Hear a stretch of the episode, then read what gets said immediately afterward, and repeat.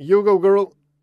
Met in čaj, podcast o medijih, dobrih in slabih praksah, je to o novih tehnologijah in eh, trendih prihodnosti. Gosti v medijih delajo, z njimi živijo in o njih razmišljajo. Gostitelja pa sva Aljaš Pengobitenc, Radio Chaos in Nataša Briški. Metina lista, komentarji, kot vedno, in posebej poudarjam, so dobrodošli na infoafnametinalista.si pod ključnikom Metin čaj, sicer pa uh, aktualen tudi Twitter, uh, ali jaš ta nepomemben Twitter, ne? Afna Pengovski, pa Afna DC43. Ja, zdaj, veš, mehurčki so zdaj popularni, ne, taki epidemiološki, pa medijski, novičarski. Skratka, v najnem mehurčku je Twitter pomemben. Hmm.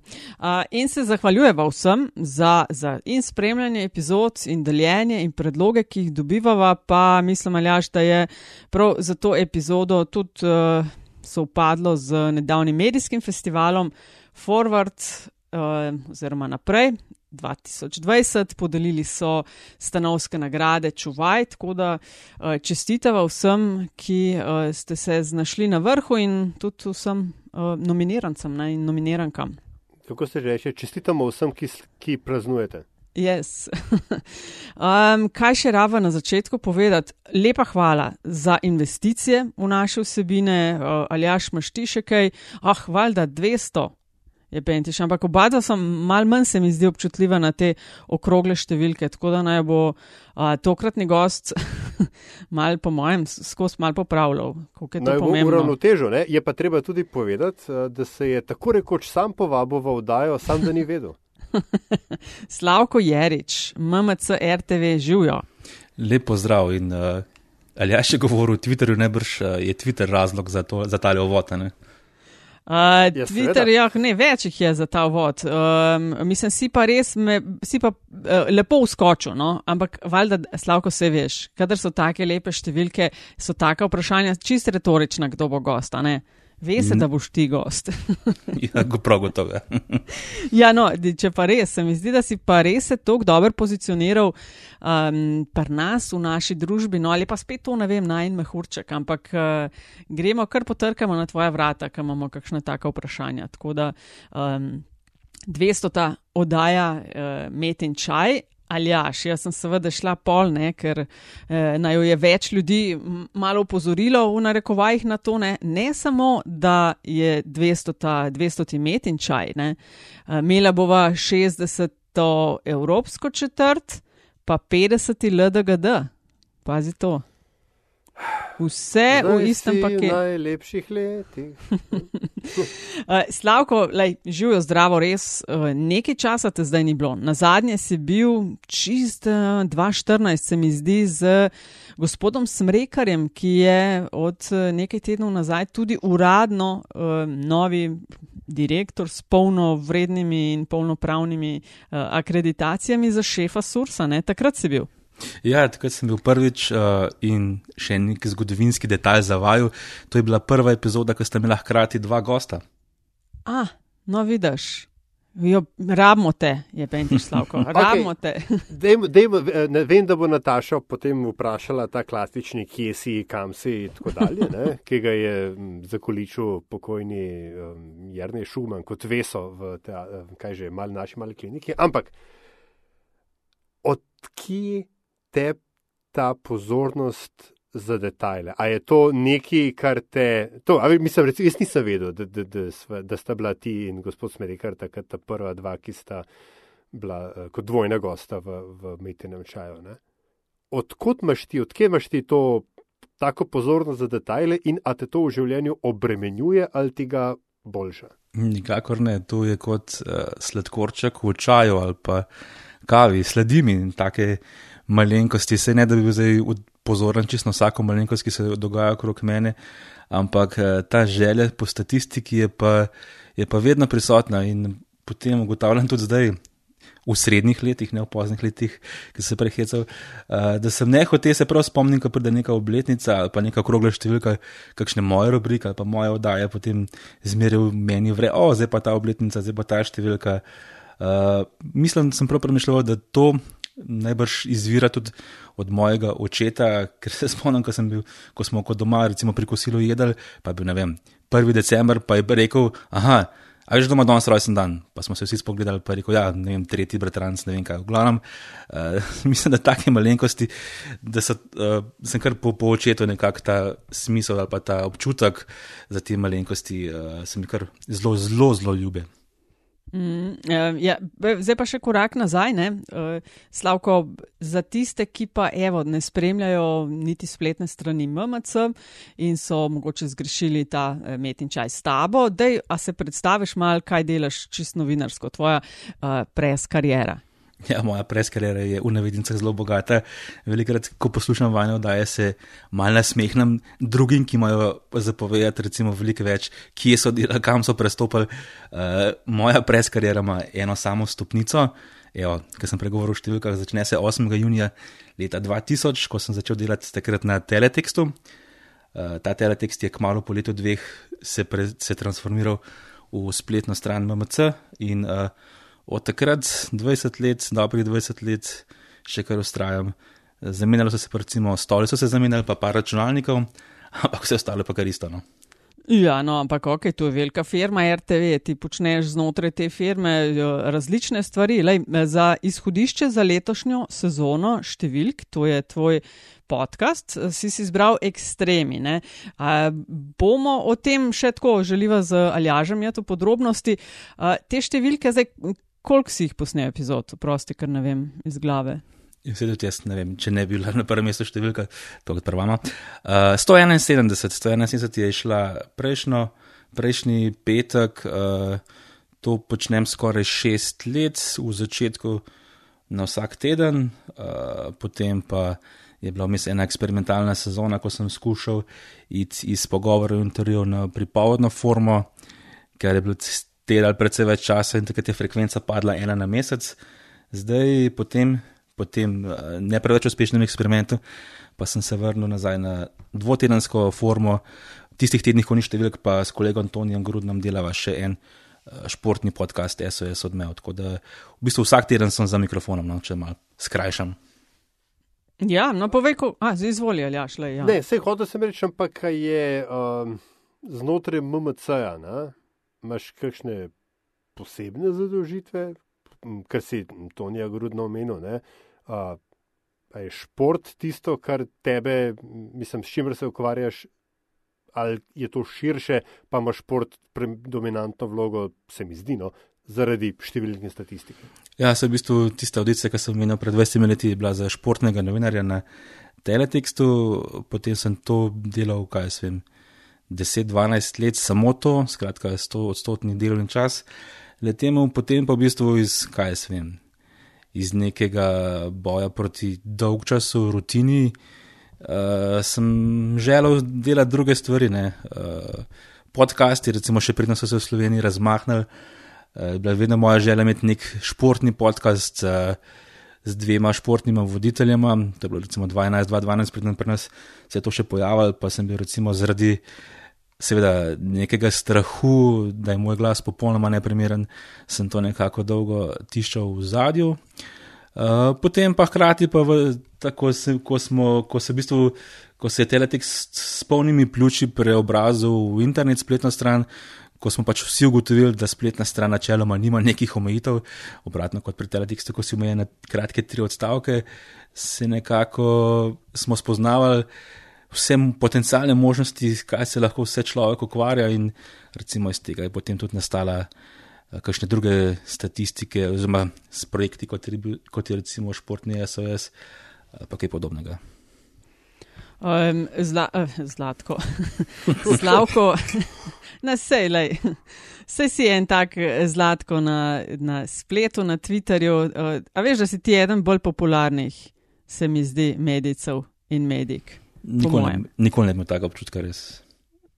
Čakaj, nimaš takšnega občutka, ker te ful pluvajo ali zakaj? Ne, v bistvu, v bistvu tega, tega nekega zelo, zelo negativnega odziva, pa v nekih količinah pa res ni, to pa moram priznati.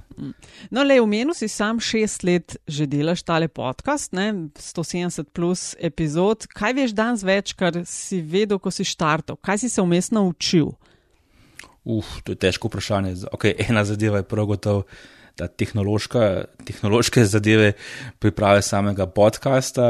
Uh, moram pohvaliti kolege na Valu 202, sploh Mataja Praprotnika, ki mi je pomagal narediti prve korake, da sem se, se spoznal s to tehnologijo, kaj je pomembno, kaj ne.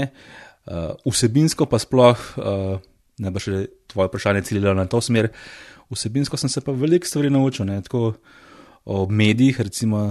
Uh, Mal, majhen delček mojih vsebin, recimo podcast gostov, tudi prihaja iz medijev. Vedno mi je zanimivo opazovati, kako uh, delajo novinarski kolegi in zato tudi, recimo, za me kot delavc, delavca v medijih zelo priljuba, priljuba izkušnja poslušati vajen podcast. Uh, pa znanost, ne, recimo, recimo, da sem v zadnjih letih našel neko, neko tiho strast, ki je bila mogoče v začetku malo uh, skrita. Znanost se mi zdi pa res fascinantna tema, kaj vse ponuja.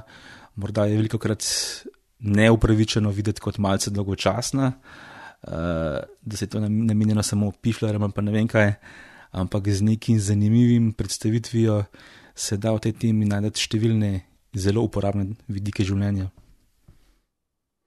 Um, poglej, če smo že, uh, Mataša, že omenjali letošnjo sezono um, številk, ki si vnaprej napovedal, uh, da se bo ukvarjal z ekstremi. Mimo grede, to je ena od ta strukturiranost tvojih, tvojih sezon, je nekaj, kar, kar neskončno obšedujem. Ne? Ker, uh, Nataša ima to smolo, da dela z mano in pač, veš, pa je to tako. Klej, kaj bi naredili ta teden? Pa dajmo to, veš, pa dajmo to. Skratka, uh, ekstremi so uh, tema uh, fil ružne v lepi slovenščini uh, te sezone številk in uh, res jih je veliko. Ekstremo. In zdaj moram jaz pretep, ker se mi zdiš avtoriteta, posili razmere za, za to vprašanje. Um, Ali smo Slovenci res narod ekstremnih športnikov? Mm, brez kakšnega zelo upremljivega številka pa podatkov bi to zelo težko sklepal. Ampak eh, na prvo žogo, brez podatkov, bi pa kar temu pritrdil. Ne? Zdaj samo, če pogledamo, a pa seveda. So spet krivi mediji, kaj predstavljajo, kaj predstavljamo, ampak zdaj samo pomislimo, kateri res ekstremni zadeve prihajajo v medije, pa ali so slovenci zraven. Recimo, alpinizem brez dvoma je ekstremen šport, uh, slovenci imajo največ zlatih cepinov, torej neki Oscari, najbolj prestižna alpinistična nagrada. Potem ravno imamo v glavi, ker sem prejšnji teden imel v številkah gostijo potapljačico Alenko Artnik, ne, ekstremen šport, potapljanje na navdih slovenka na vrhu, kljukica. Uh, potem imamo lahko še kakšne bolj ali manj zabavne ekstreme, ki sodijo v šport ali ne, ne. spomnimo se plavanja po rekah. Um, ja, skrat, strela, ja. ja, skratka. Pa še kakšne druge ekstreme, ki so, ki so bolj ali pa manj uh, povezani s športom, recimo, so malo bolj žalostni, recimo uh, alkohol, ne? samomori, so to ekstremne zadeve, vse tukaj bi lahko najdel slovence. Ne? No, sej ne, ker, ampak uh, uh, ravno to. In ko se ti pogovarjaš ne, s svojimi gosti, kaj je, a, a imaš kakšno, um, kakšno skupno točko, kaj je tisto, kar njih žene v te ekstreme? Uh, k temu se v bistvu še nisem uh, posebno posvetil, kaj ti nameravam v zadnjih, zadnjih dveh, treh epizodah, pa morda celo povleči neko rdečo, rdečo nic. Uh, morda evo, namig, kaj, kaj ne bi sledilo ob koncu sezone. Zdaj, ker na eni strani imamo take ekstreme, recimo zdaj smo imeli recimo veliko športnih ekstremov, so pa ekstremi tudi drugačne oblike, ki niso tako um, prijetni, recimo prijetni uvod. V, v to sezono je bil recimo pogovor s pisateljem Jako Tomcom, ne, ki, se, uh, ki ga muči bipolarna motnja. Ne. To mislim, da nišče ne si ne bi tega prostovoljno želel. Ne. Uh, In recimo en izmed vidikov prihodnosti, ne, je, sem se s parimi nevrologi že pogovarjal, je, da ekstremi sami po sebi pa tudi niso zelo, zelo koristni, oziroma ni z njimi najlažje živeti. Evo, zdaj, recimo, najbrž ena taka pozitivna lasnost, ki si jo vsak želi, recimo iz filmov, sodeč, kakšen uh, neverjeten spomin možnost nevrtnega pomnjenja. Ne? To je taka eh, v nevednicah super moč, ki jo recimo v teoriji lahko ima tudi človek, ne? če se gremo preč izmed filmov pa znanstveno fantastičnih moči. Uh, in ko sem gledal nekaj dokumentarcev ne, uh, o tej moči super pomnjenja, ne, me je nekako spreletelo dejstvo, da recimo ti ljudje niso samo junaki, ampak tudi hkrati trpijo, ker se večno ponavljajo v nekih zankah. Kot sem jaz prej na začetku rekel, imajo neke triggerje številske, ampak se potem ne znajo ustaviti, vedno mer podoživljajo kakšen dogodek, kakšen dan v preteklosti. To pa tudi ni nekaj takega, kar bi si recimo vsak zelo ekstremno želel. No? Za letošnjo sezono, se pravi, si, si izbral ekstremi. A je novi koronavirus igral kakšno vlogo pri tem? Uh, ne, zdaj, če grem čist korak deduktivno nazaj, v bistvu na nek način je vajen podcast na nek način, na nek način kriv, da se je tako razpletlo, kot se je. Uh, namreč, kot veste, imate še en podcast, ki ga niste omenili, oziroma ga vidno ne ustvarjate, ampak na vaši mreži uh, deluje, kjer so predstavljeni mladi znanstveniki. Mm -hmm, meta podcast, ja. In po koncu, mislim, da prve ali druge sezone je kolegica Ana Slavec uh, organizirala anketo za poslušalce te oddaje, kaj jim je všeč, kaj jim ni všeč. Uh, to sem tudi jaz takrat prevzel in zaradi tega, torej tudi zaradi vašega navdiha, vsako leto naredim to anketo med uh, svojimi poslušalci in, in eno izmed vprašanj, odprtih vprašanj, tudi česa si želijo uh, v prihodnje poslušati. In v bistvu bi en komentar, ki se ni nanašal na ekstreme. Uh, nek poslušalec ali poslušalka si je zaželo, da, recimo, da bi bile številke recimo bolj edgy. Uh, to sicer ne pomeni ekstrem, ampak v moji glavi je recimo to prižgalo asociacijo ekstremov. In potem, ko sem pomislil, kaj vse okoli nas je ekstremno, ja, pa sem se rekel, naj bo pa to rdeča niti te oddaje. Uh, ta COVID, ko sem jo vprašala, je pa v bistvu bolj, v bistvu bolj kolateralna uh, zadeva. In mislim, da kakšna epizoda bo tudi temu namenjena, uh, že ne hote v prejšnji sezoni, ki je bila rdeča uh, luč, luč, nic, kaj nas dela ljudi, je bilo ob koncu sezone kar nekaj epizod posvečenih, posvečenih tej tematiki. Uh, pa nisem želel, da bi recimo to rdeča nic samo to, kar ti življenje kljub temu. Še ostaja med nami s številnimi drugimi problemi in lepotami, in nisem želel nasilo ustrajati samo pri tej. Mm, no, omenil si že, da narediš po vsaki sezoni anketo. Ne? Ti si, mogoče nisi bil čist med prvimi, ki so štartali podcast, ampak si bil pa vsekakor med uh, zelo zgodnimi.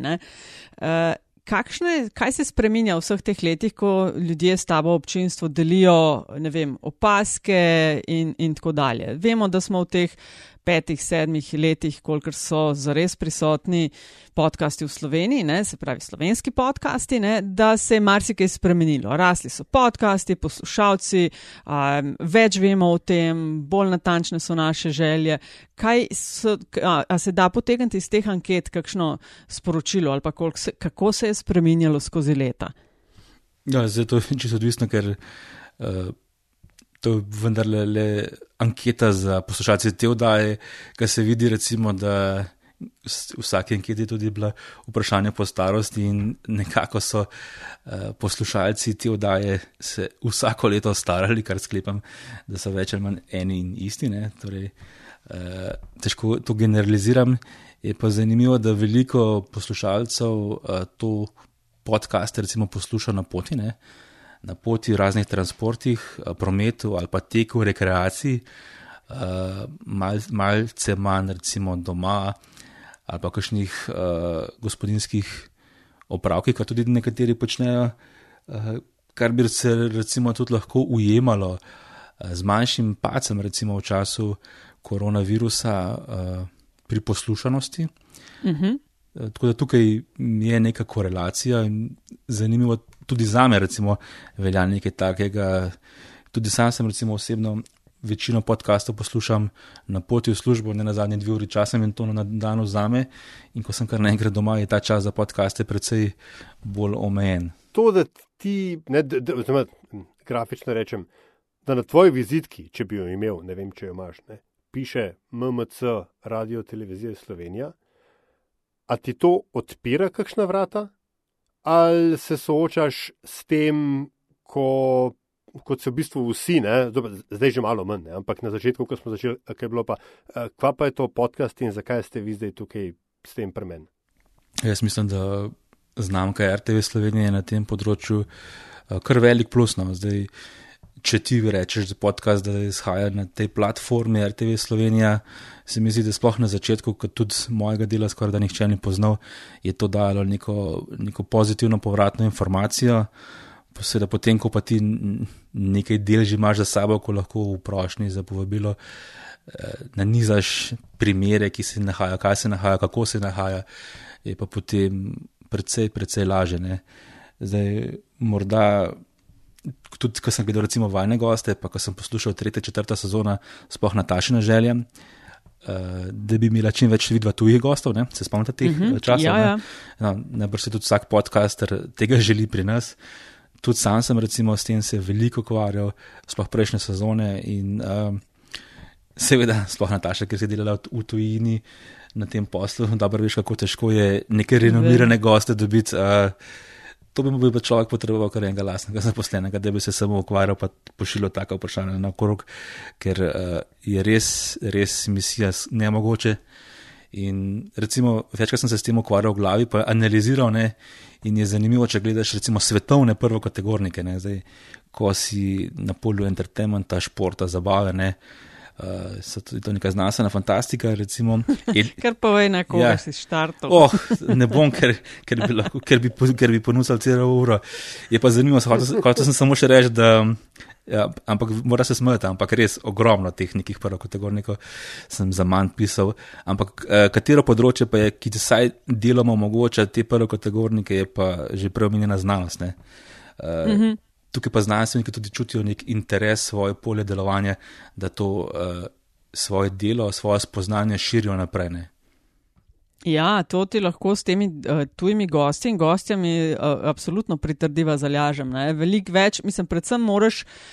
To sem se tudi sama, veš, ko sem delala kot dopisnica v ZDA, ne, to nisi v isti liniji kot kolegi iz večjih držav. Ne, in tako isto, ko se prfočkaš iz Slovenije, jaz bi pa z vami naredil intervju, je pol, ko pokažeš, s kakšnimi številkami ti operiraš, ne, ponavadi že se zelo hitro končane. Ja, na Pa imaš lahko, a veš, zelo poslušano, gledano v Sloveniji, ampak ko to daš na svetovno raven, so to taki mehni grahki, da te na račun tega, a veš, manj upoštevajo. No, in je res težko prideti. No.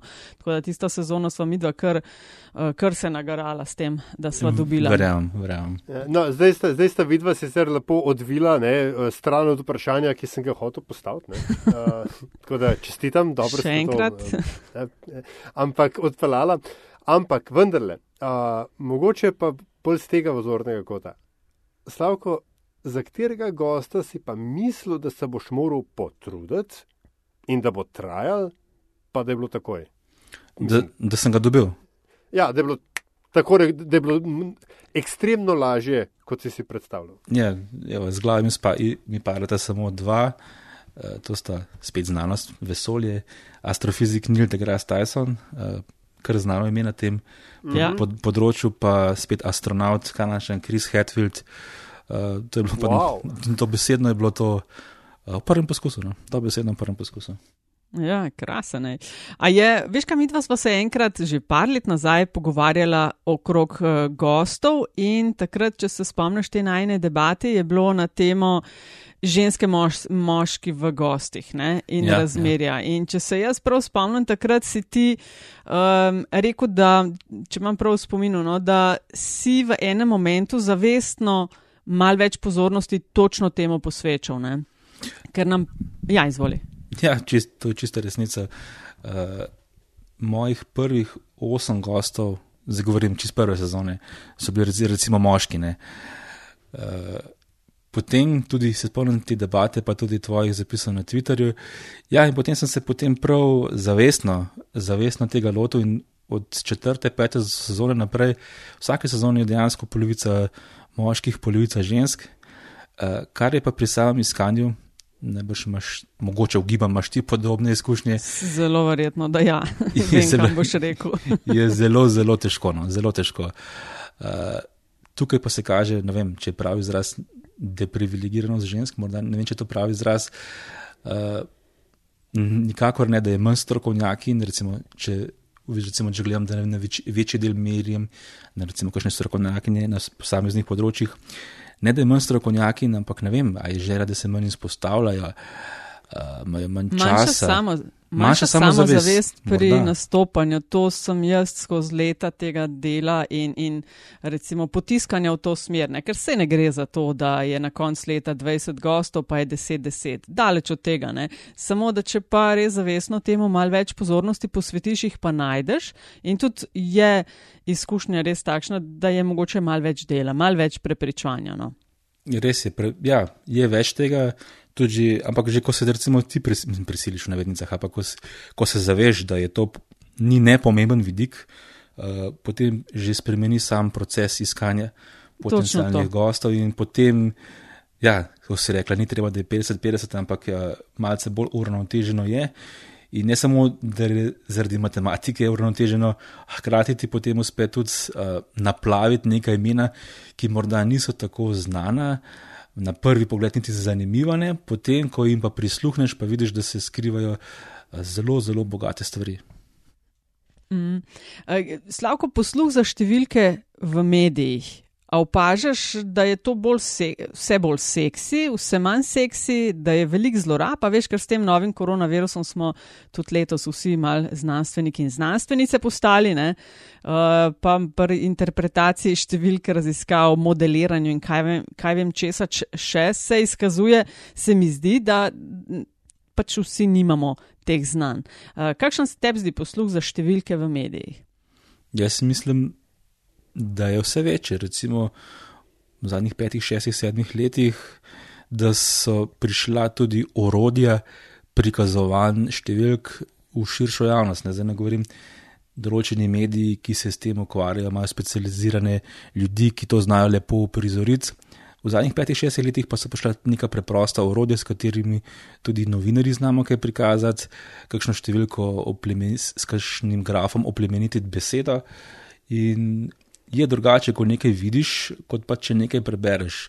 Mislim, zdi, da da drugačno težo.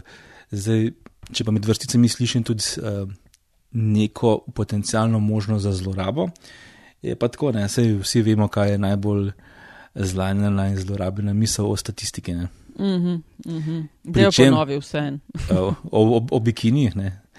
Uh, govorimo, govorimo o bikinih.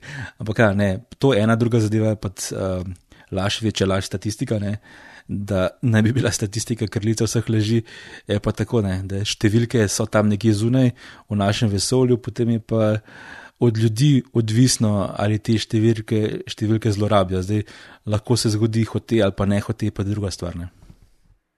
Verjetno je tudi vprašanje, oziroma ne, uvid, ne, z lepo slovensko besedo, ta, da pač številke zunaj konteksta v resnici ne, vem, ne morejo obstajati ali pač. Ja, številke ja, obstajajo že, ampak kaj hočeš ti potem z njimi povedati? Eh, Običajno, da potrdiš neko svojo agendo, svojo misel, ne? je pa druga zadeva. Sploh, uh, sploh, ko smo recimo pri neki politiki. Ne? Mm. Uh, Slavko, zdaj, ker imaš sezono ekstremov, ne? kaj so ekstremi, ki ti najprej padejo na pamet, če si kjer raziskoval to uh, s COVID-om? Uh, ali pa recimo leto v številkah, ne? se zaključuje in spet bomo začeli, se veš, december je poln teh uh, najboljše ali pa uh, top leta v športu, v znanosti in tako dalje. Uh, kaj ti vidiš, kaj, kar se tebe tiče, izstopa? Kar se meni tiče, stopa. Ja. Vendar le sem v osnovi uh, športni novinar, vendar le glavnino časa namenim temu. In uh, res je nenavadno, da tudi v tem ekstremnem letu so slovenski športniki poskrbeli za goro uspehov. Ne. Uh, kolesarstvo mi pade prvo na misel. Ne. Nekoč slovenski kolesari, v navednicah, grdo rečeno, so bili le spremljevalci teh največjih dirk na svetu. Ne. Zdaj, ne vem, če bomo lahko še kdajkoli rekli, da, da so slovenski kolesari v enem letu osvojili dva Grand Toura, torej tri tedenske dirke, potem da imamo slovenski športniki nekega mladega, navihenega košarkarja, ki sodi med pet najboljših košarkarjev na svetu. Uh, to so zadevi, to, to so presežki, ki bodo prav gotovo v tem letu 2020 uh, ostali na površju. Uh, zdaj, ko se pomeni besedo COVID, ne, kaj mi še ostane na, v glavi. Ne? Recimo v zadnjih dneh veliko vidim na Twitterju različni uporabniki eh, iz Sursa, na, mojega in vajnega prijaznega partnerja, vidimo, eh, limajo podatke, število smrti eh, v prvih devetih mesecih. Ne? Kako je približno isto letos in, in prejšnja leta, ne? in to je spet en tak primer morebitne zlorabe podatkov. Ne.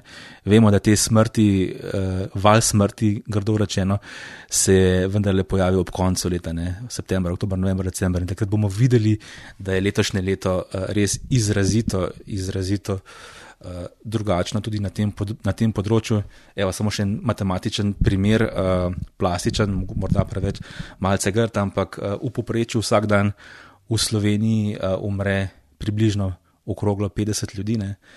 Eh, ko je bil prvi val COVID-a, so bile te številke majhne, ena, dva, morda tri na dan in to k skupnemu avtobusu umrlih ni pripomoglo nič, ne. zdaj pa zadnje tedne pa vidimo, da je samo na, na račun COVID-a dnevno število umrlih okrog 50. Ne. Še za en avtobus večji. A veš, da super, da si tole uh, izpostavil, ker sem pred dnevi imela uh, ravno na temo teh, teh smrtnosti v Sloveniji na, uh, v zadnjih tednih in tako dalje. In še kar ne morem verjeti, kako veliko je število tistih, ki verjamejo v neke teorije zarote in zanikajo in kako nas farbajo in da se bo konc leta pokazalo, da ni nič več mrtvih in potem gledajo in opletajo z nekimi številkami iz Sursa, ne, kjer, ki si zdaj sam rekel, da šele konc leta bodo celovite ven prišle ne, in se bo pokazalo, tako kot ti praviš, da v, poleg enega avtobusa zna biti še kakšen dodatno, ne, v, dru, no, ampak, v drugi polovici. Ampak to, to spet nas prepele ne, do te debate, prej je bilo vprašanje o um, medijih in njihovi usposobljenosti interpretacije številk, oziroma kontekstualizacije, ampak v bistvu je to vprašanje širše. Ne?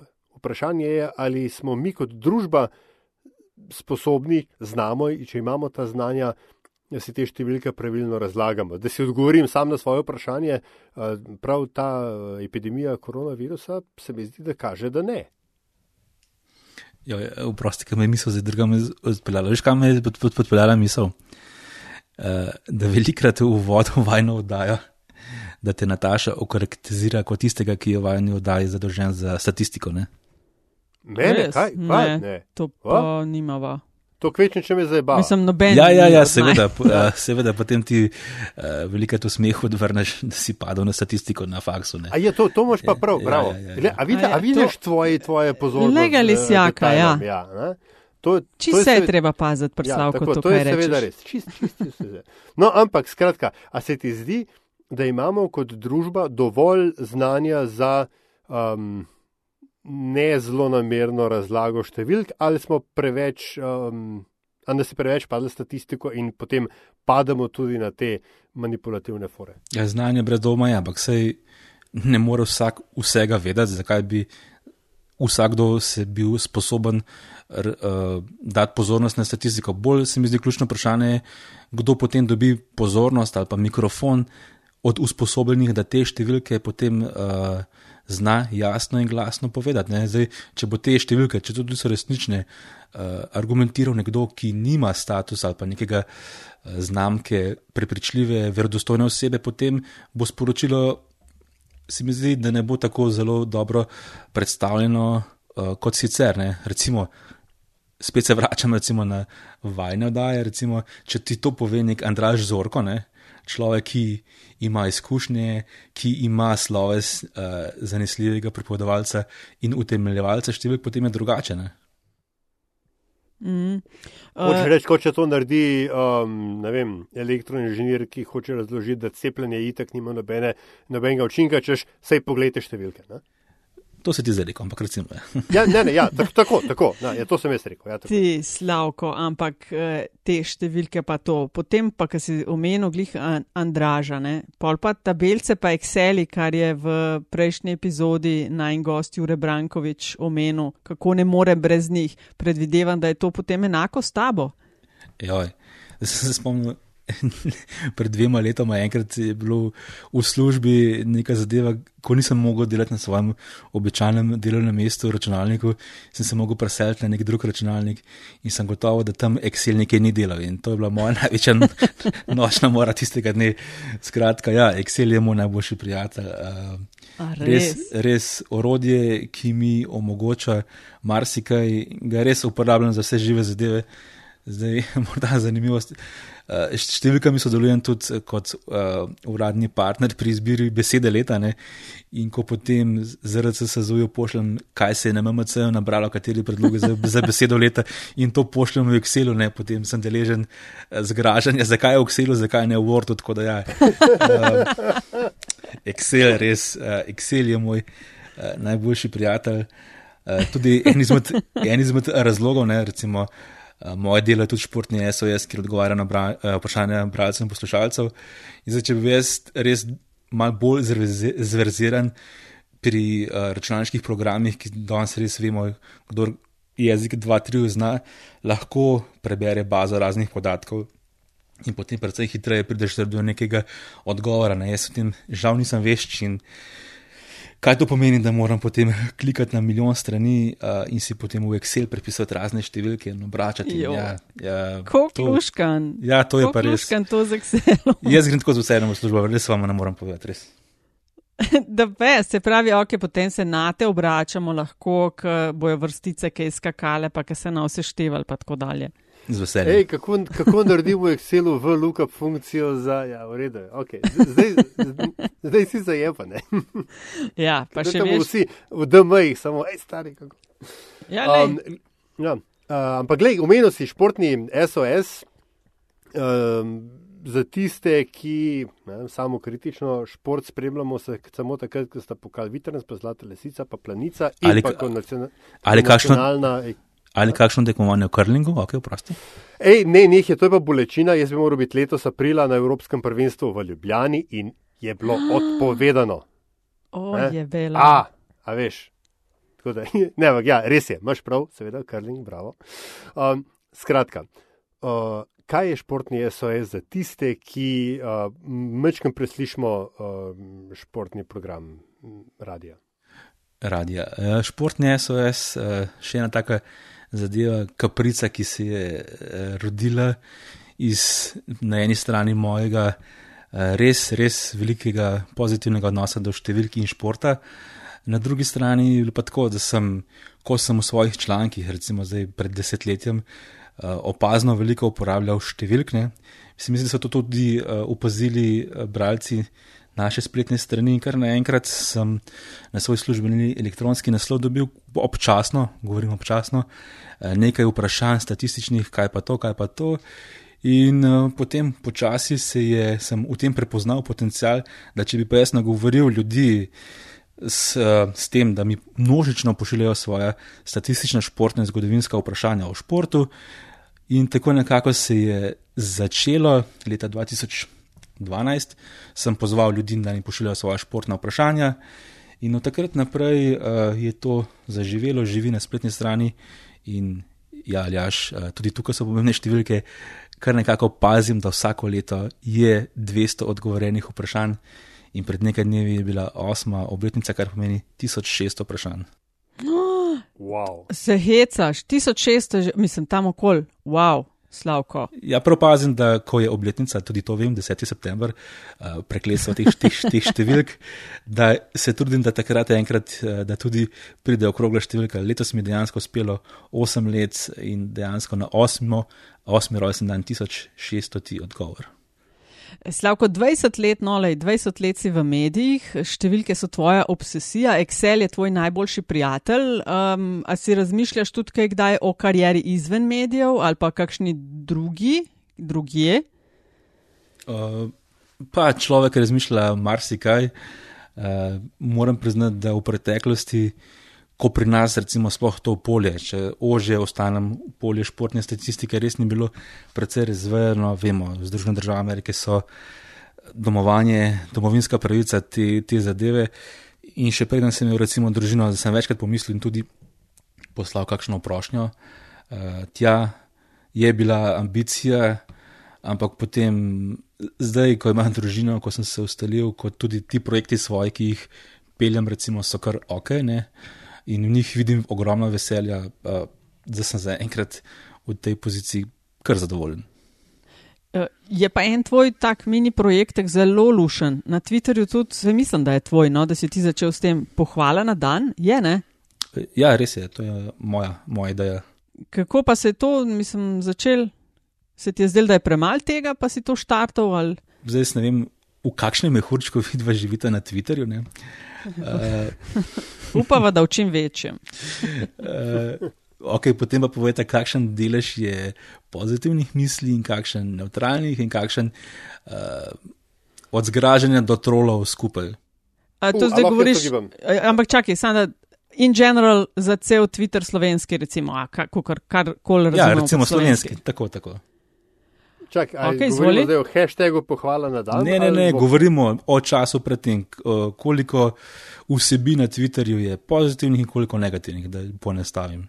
Aha, ne, jaz bi rekel, da je pozitivnih vendarle več. Je o, več. Jaz bi pa obratno rekla. Jaz bi rekel 60-40 za pozitivno. Jaz bi pa obratno rekla, da je mogoče ena tretjina pozitivnih. Jaz se nimam, nimam nobenega podatka, ampak definitivno sem imel občutek, da se vemo, od politike naprej. Uh, Tema, kjer res iz ljudi se mi zdi, da privabi najslabši hotel, pa ne uh, uh, troli plačani ali ne, vendarle je neka taka prvinska reakcija, sploh če si anonimen, da, svo, da je tudi ti ta družbena mreža omogočila nek kanal čiščenja, ne vem kaj še vse. Ja, pač opazil sem, da je premalo neke pozitive. Sej ni treba zdaj, zdaj, zdaj nekaj nasilo hvališ, koliko je življenje lepo, če ti morda v tistem trenutku res ni, če čutiš res slabe stvari. Ja, vsakdo pride v tak položaj. Uh, čutil sem, da manjka nekaj nek drobec, da se človek razveseli. Veliko krat se opažam uh, zadovoljstvo, ko je operater na telefonski liniji na drugi strani prijazen, ko ti hitro uh, nameni tisto, kar iščeš. Ne vem, ti uh, fursi razni, kako hitro se odzovejo. Mm, drobna pozornost, ko iščeš parkirno mesto, pa ti neznanec ne, ne vstopi le prostega mesta, ampak tudi parkirni listek, ki mu še eno uro je v veljavi in podobne stvari. Se mi zdi, da so res tako drobne, v veliki sliki, ne pomembne stvari, ampak ki ti znajo narisati na smeh na obrazu, videti, da tam ljudje niso vsi ljudje le slabi, ki ti želijo samo slabo. No. To je nekakšno osnovna ideja. Skratka, zdel se ti je, da je premalo dobrega. Pišem, ka škoda, da nimamo te statistike, čeprav je potem res verjetno eno so izvorni, izvorne objave, potem pa tisto, kar se nadaljuje pod njimi. Ne? Ali vključuješ vse to, samo ta podatek bi bilo zanimivo pridobiti. Ali je več jih z neko negativno ali s pozitivno konotacijo. Jaz verjamem, da obstajajo strokovnjaki, ki se s tem ja. tudi strokovno ukvarjajo, da ti podatki nekje vendar bi morali obstajati. No. Lej, mogoče pa bo kdo dal na Twitter, če ve odgovor. Tukaj seveda moram jaz zdaj omeniti um, volilno kampanjo leta 2012 in kaj že sentiment analysis. Ne? Oh, ja. Bil, ja, doma, domačega, um, domačega gore list.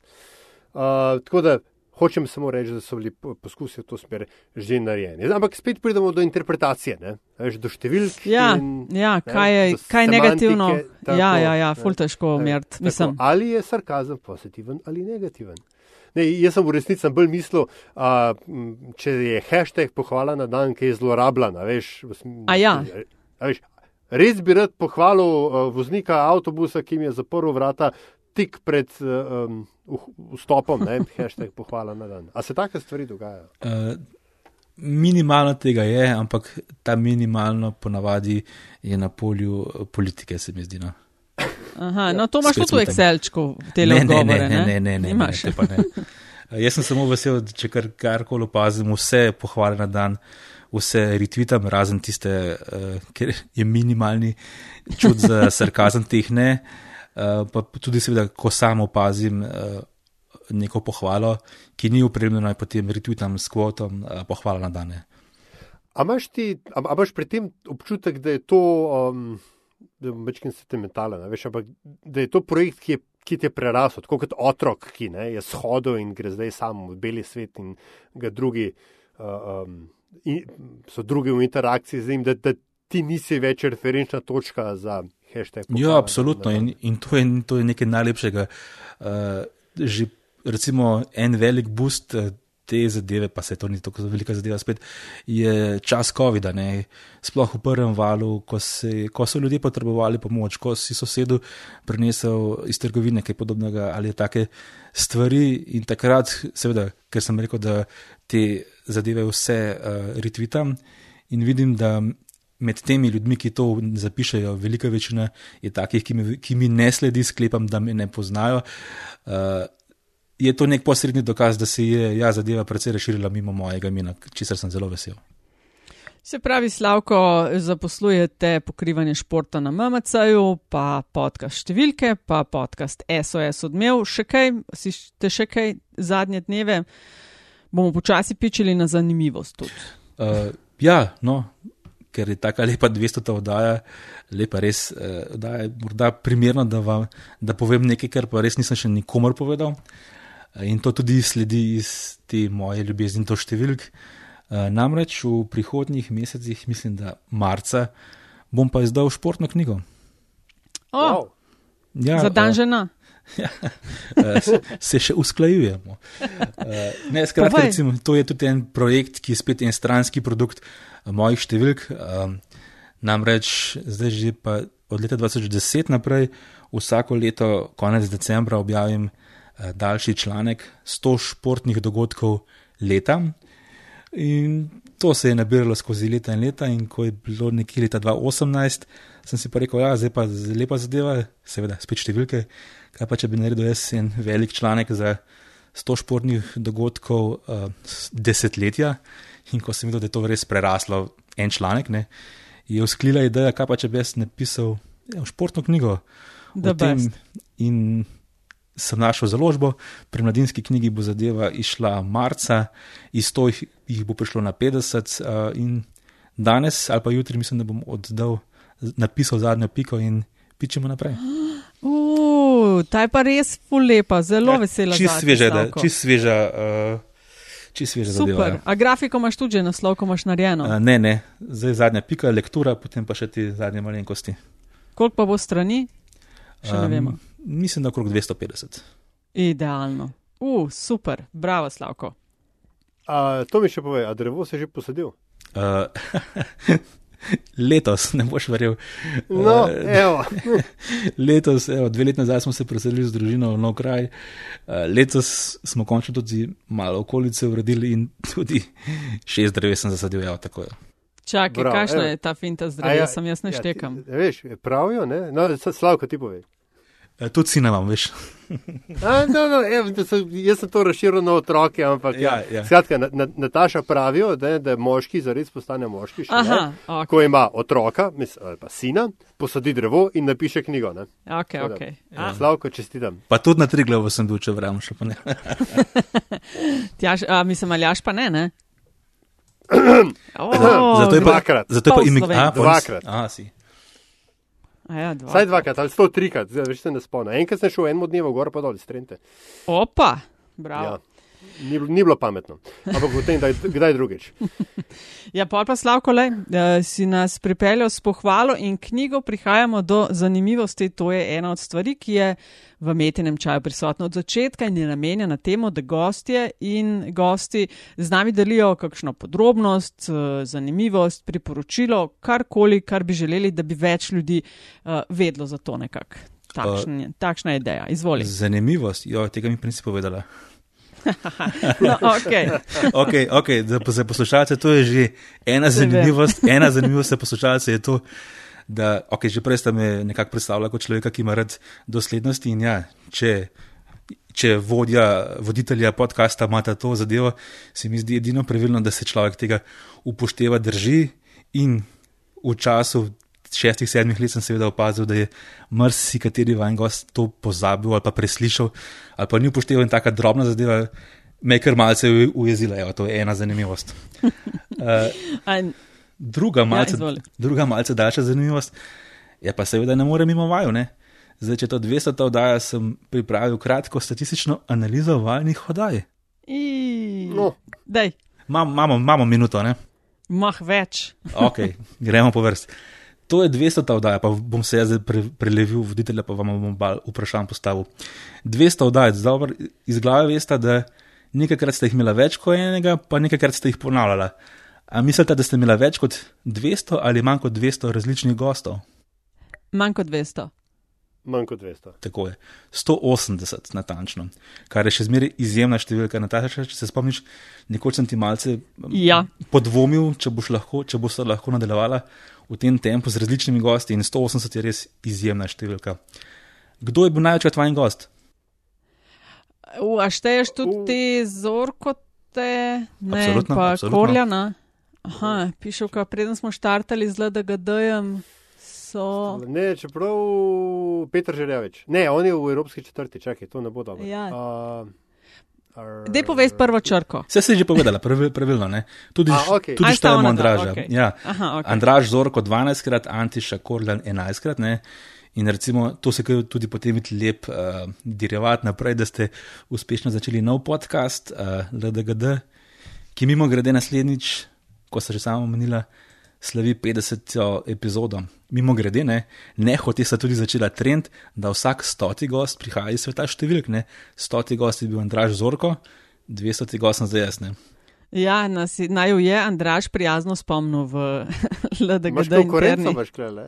Uh, okay, ok, če pa pozabimo Andraža pa Antiše, preden sta spočela tale, uh, ste spočeli LDGD. Um, Ja, Ne ne. Namik, Aj, Ne vem. namik uh, v tej sezoni je bil gost.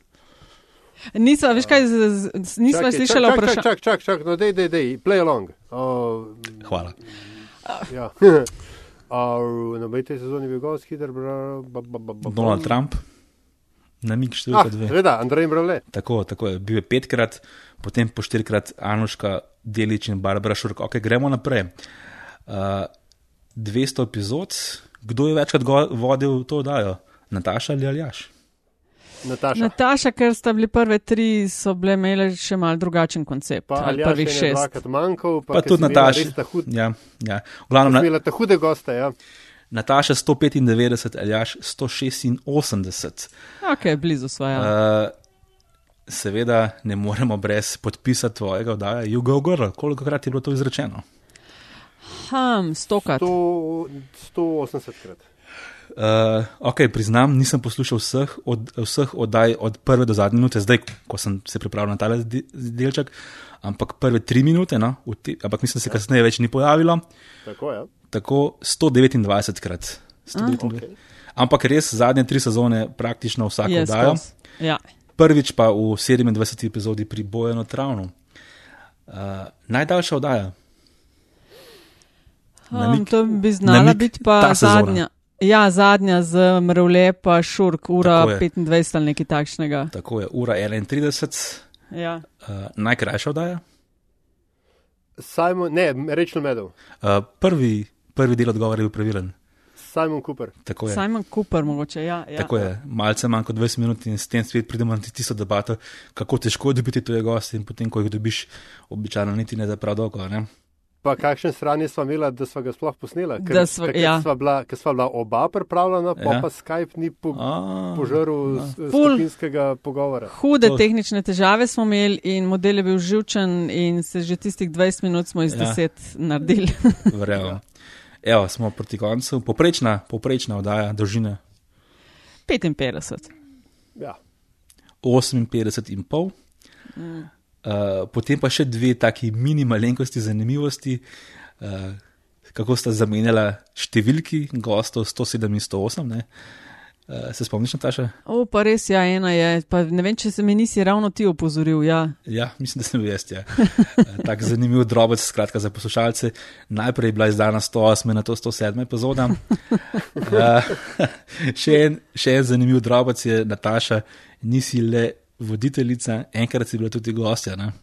ja, to je pa verjetno. Čak, je bilo to na to ekspedicijo. Tako, tako, ko si se vrnila iz. Uh, V bistvu morava še ali jaš tebe gostiti.